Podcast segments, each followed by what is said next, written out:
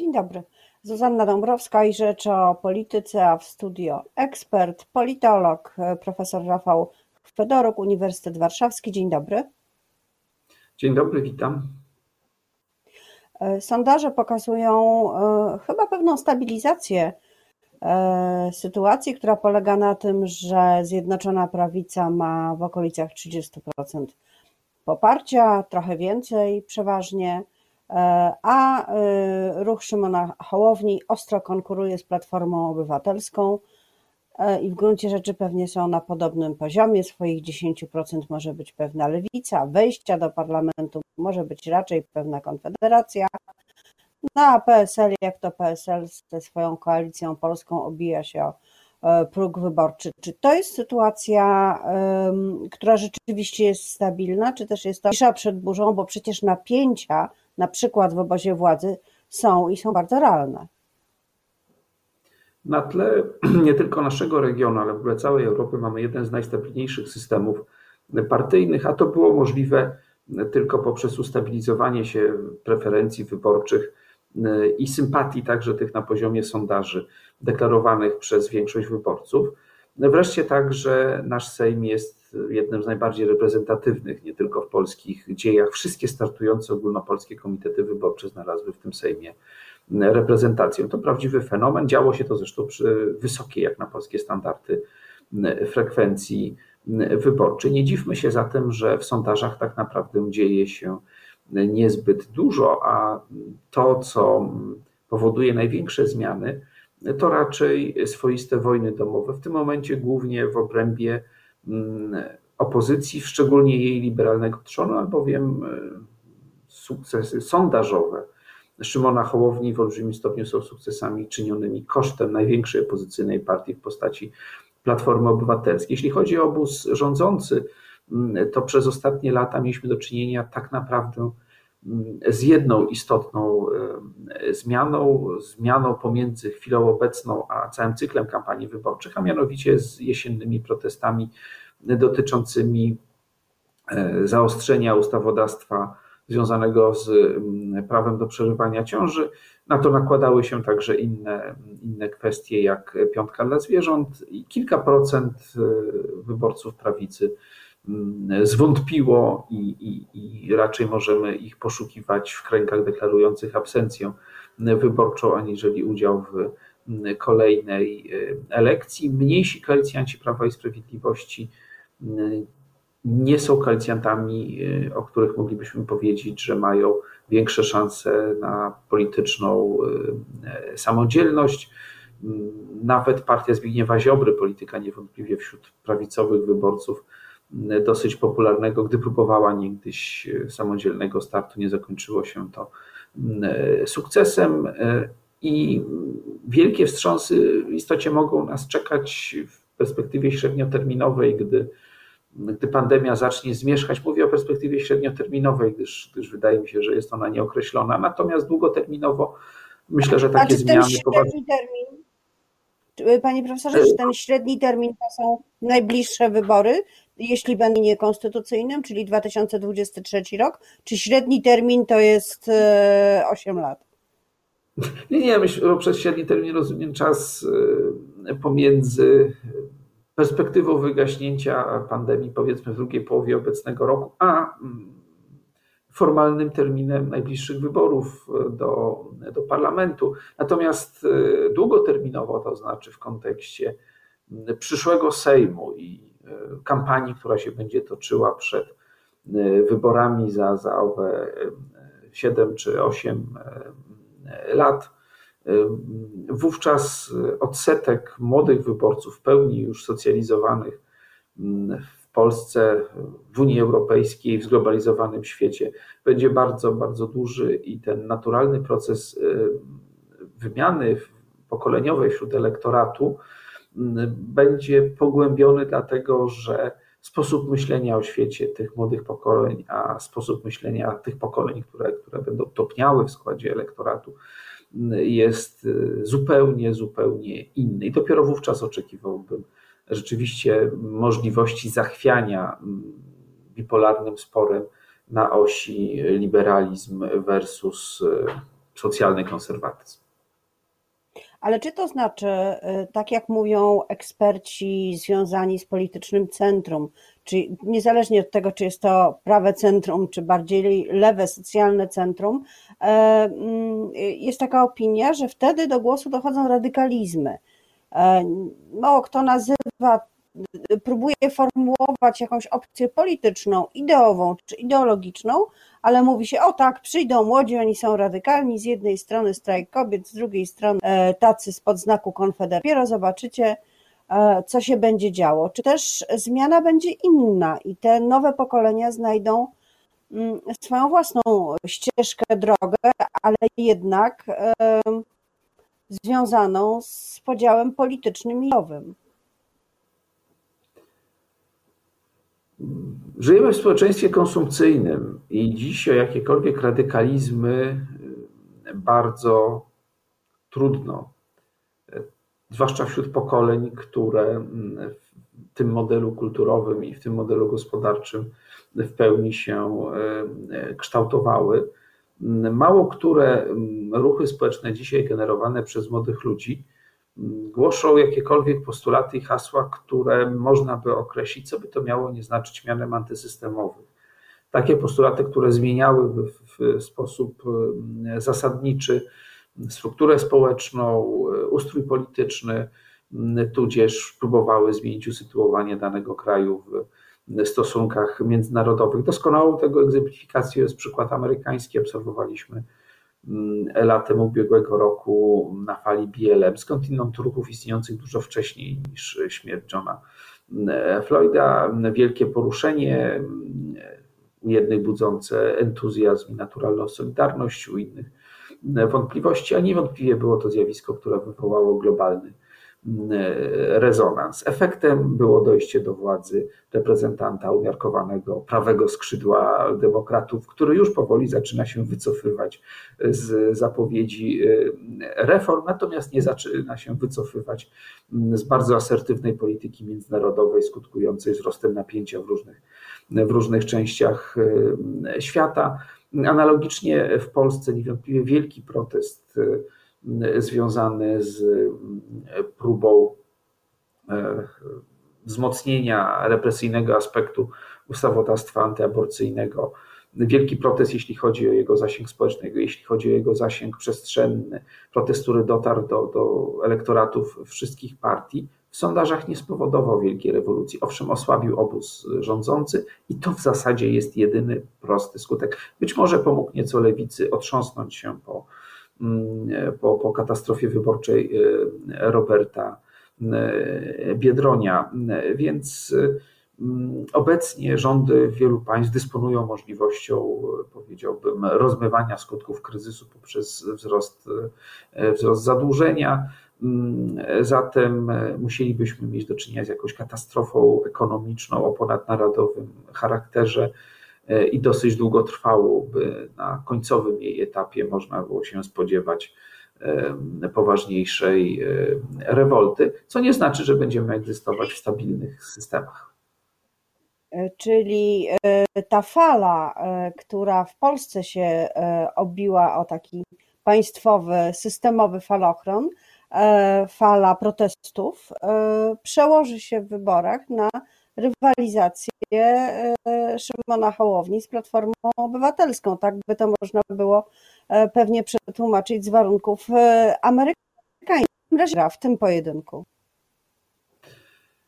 No, z całą pewnością ta fala ma skutek polityczny i w tym sensie był to protest, który wywołał mm, poważne rezultaty jak mało który protest społeczny w ostatnich latach. Pierwsze dlatego, że osłabił obóz rządzący. Pierwsze takie wydarzenie, które do tego się przyczyniło od, od kilku lat. Po drugie, dlatego, że można oczekiwać mobilizacji najmłodszych pokoleń wyborców, zarówno tych, które teraz są najmłodsze, a za chwilę mm, będą w komplecie już dysponowały mm, prawami wyborczymi, jak i tych, które nadejdą zaraz, zaraz po nich, y, otrzymując owe prawa. Będzie to mobilizacja nie tyle za, co mobilizacja przeciw. Te protesty stworzyły pewien wspólny mianownik dla bardzo różnych grup wyborców, w tym także dla mm, różnych środowisk młodzieżowych do mobilizowania się przeciwko obozowi rządzącemu.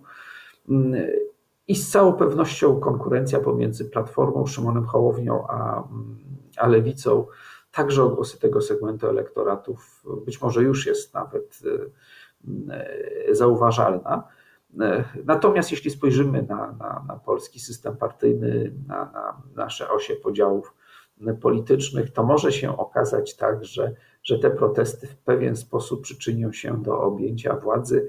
Po pierwsze, przez tych polityków, którzy bardzo emancypacyjni w podejściu do praw kobiet nie są polityków Platformy Obywatelskiej czy polityków skupionych wokół, wokół Szymona Hołowni. E, taki paradoks, e, patrząc na sondaże i rozkład sympatii elektoratu. E, Szymon Hołownia wszedł do polityki, stając z lekka po prawej stronie Platformy Obywatelskiej, oskarżanej na pewno na wyrost przez Prawo i Sprawiedliwość o to, że jest lewicowa, że poszła w lewo, że w ogóle skręca strasznie. Przyczynia się do tego także PSL. Szymon Hołownia ustawił się w centrum, ale po prawej stronie. No ale czas mija, e, powstało koło z posłankami, które stoją raczej po lewej stronie Platformy Obywatelskiej. E, i ostatnio badaliśmy elektoraty w sondażu dotyczącym rozwiązań e, aborcyjnych różnego rodzaju, rozwiązań ustawowych. I okazuje się, że elektorat Szymona Hołowni jest bardzo zorientowany na to, by liberalizować prawo nie tylko wracać do kompromisu, ale zdecydowanie liberalizować w myśl projektów i lewicy, i tego ostatniego projektu Platformy Obywatelskiej. Czy to oznacza, że Szymon Hołownia będzie musiał skorygować e, swoje deklaracje, e, czy też e, nie, czy też będzie popierany mimo swoich deklaracji i rozdźwięku między poglądami elektoratu a jego poglądami? No to sytuacja spotykana w ostatnich kilkunastu latach. Niejednokrotnie pojawia się nowa, nowa formacja poprzez pewną legitymizację pozapolityczną. Jesteśmy społeczeństwem w olbrzymim stopniu zdystansowanym, niechętnym instytucjom publicznym, państwu, partiom politycznym i stąd często politycy, szczególnie ci politycy, którzy są aspirującymi, dopiero usiłują się legitymizować jakimiś czynnikami pozapolitycznymi, na przykład związkami z show biznesem i e, ich kariery z reguły są bardzo błyskotliwe, ale krótkotrwałe.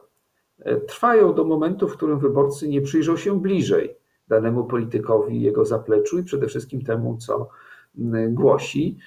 Trochę przeszedł przez to Paweł e, Kukis, którego kolejne wyniki wyborcze, począwszy od, od sukcesu w wyborach prezydenckich, były coraz słabsze, jeśli spojrzymy na, na, na rezultaty ugrupowań jego nazwiskiem firmowanych.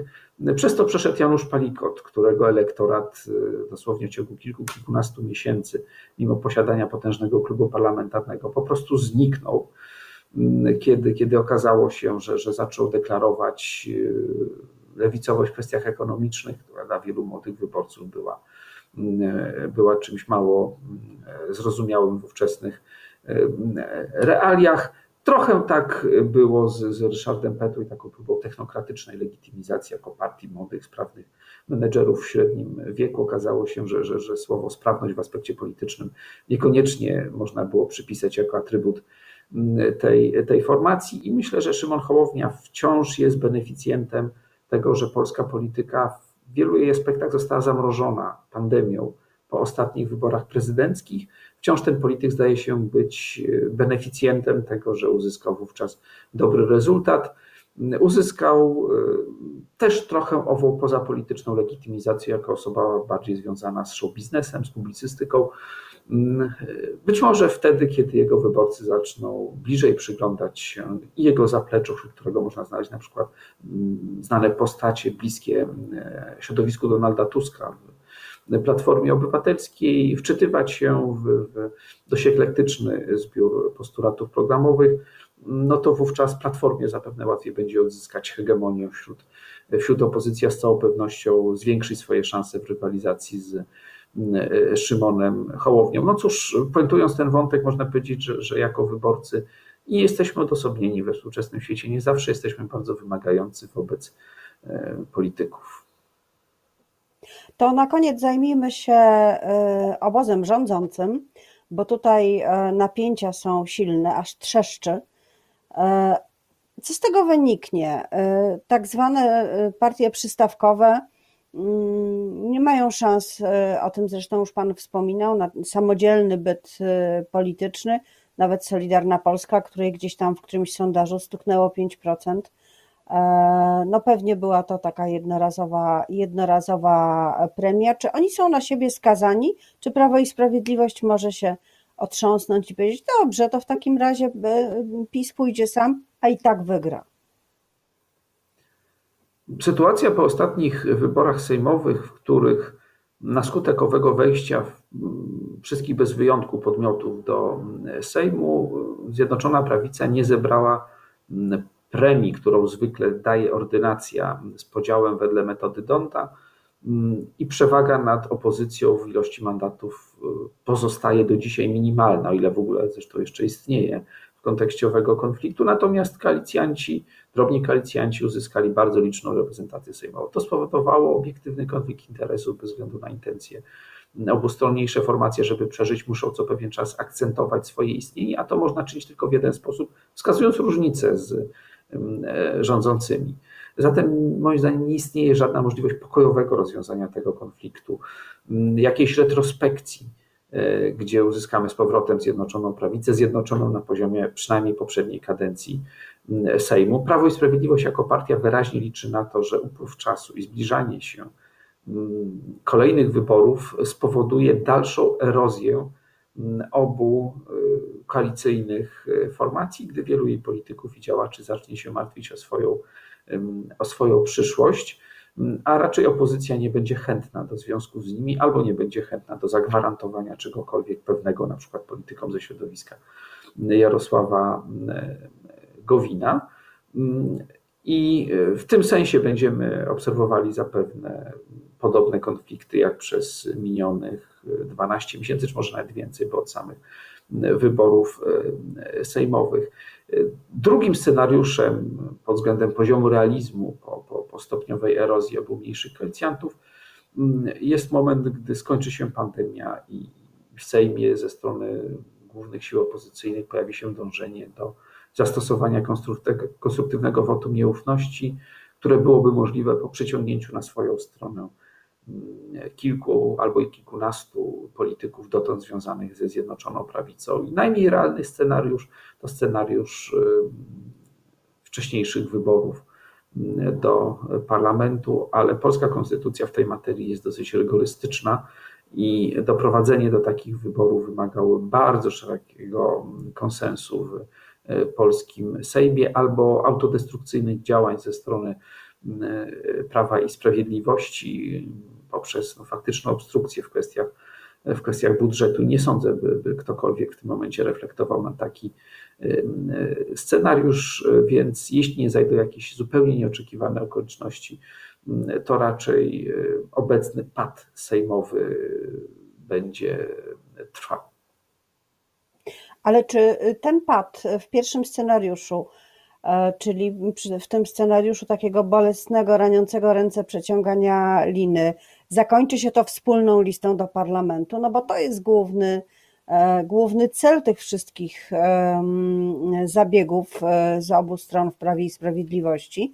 Mm, I są tacy, którzy mówią, że na przykład porozumienie, chociaż Solidarna Polska też nie, nie mogą liczyć na to, że znajdą się na listach E, PiSu, że to zaszło za daleko, czy też mogą, nic się nie stanie w polityce, no można spokojnie, że, że nic się nie wydarzyło.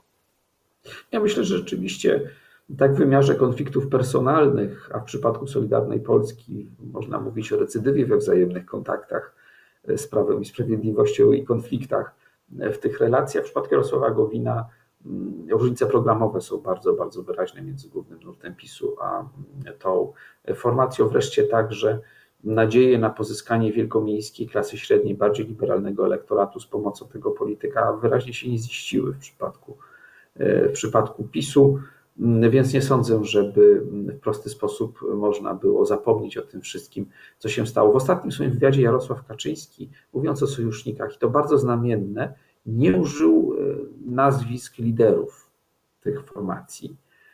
co oczywiście można interpretować na wiele różnych sposobów, ale trudno byłoby uciec od jednej z możliwych interpretacji wskazującej na to, że mm, działacze, członkowie tych ugrupowań w zdecydowanej większości byliby chętnie widziani jako koalicjanci, czy być może nawet członkowie Prawa i Sprawiedliwości, natomiast o mm, liderach, z którymi silnie się te ugrupowania mm, wiążą w swoich, w swoich nazwach i w społecznym e, odbiorze, raczej niekoniecznie byliby widziani mm, na listach e, kandydatów i być może tak naprawdę o to trochę toczy się gra wewnątrz e, Zjednoczonej Prawicy. Dziękuję bardzo. To wizja nieustających polowań aż do, aż do wyborów. Będziemy się jej przyglądać. A moim gościem był e, politolog profesor Rafał Chwedoruk, Uniwersytet Warszawski. Miłego dnia. Dziękuję bardzo nawzajem.